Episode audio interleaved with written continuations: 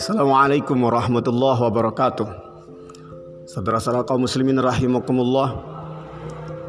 Setelah Allah bicara tentang hadirnya bulan Ramadan, diturunkannya Al-Qur'an dan disyariatkannya berpuasa, Allah mengatakan walitukabbirullaha ala ma hadakum.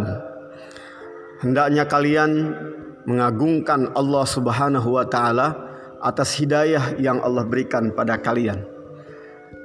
Hidayah dikala kita mendapatkan petunjuk dari Allah Subhanahu wa taala berupa isi Al-Qur'an itu disebut dengan hidayatud dilalah.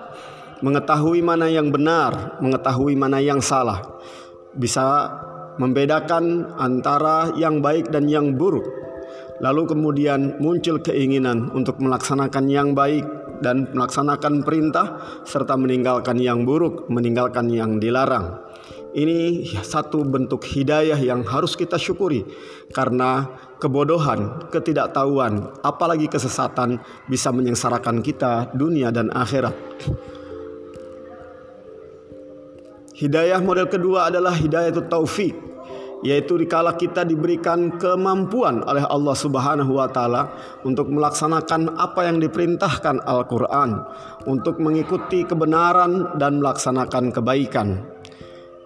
Tidak semua orang yang memiliki ilmu pengetahuan tentang puasa dan ingin melaksanakan puasa bisa melakukannya karena ternyata ia harus bepergian yang terpaksa dan ia juga harus uh, mendapatkan musibah sakit yang membuat ia tidak mampu melaksanakan puasa.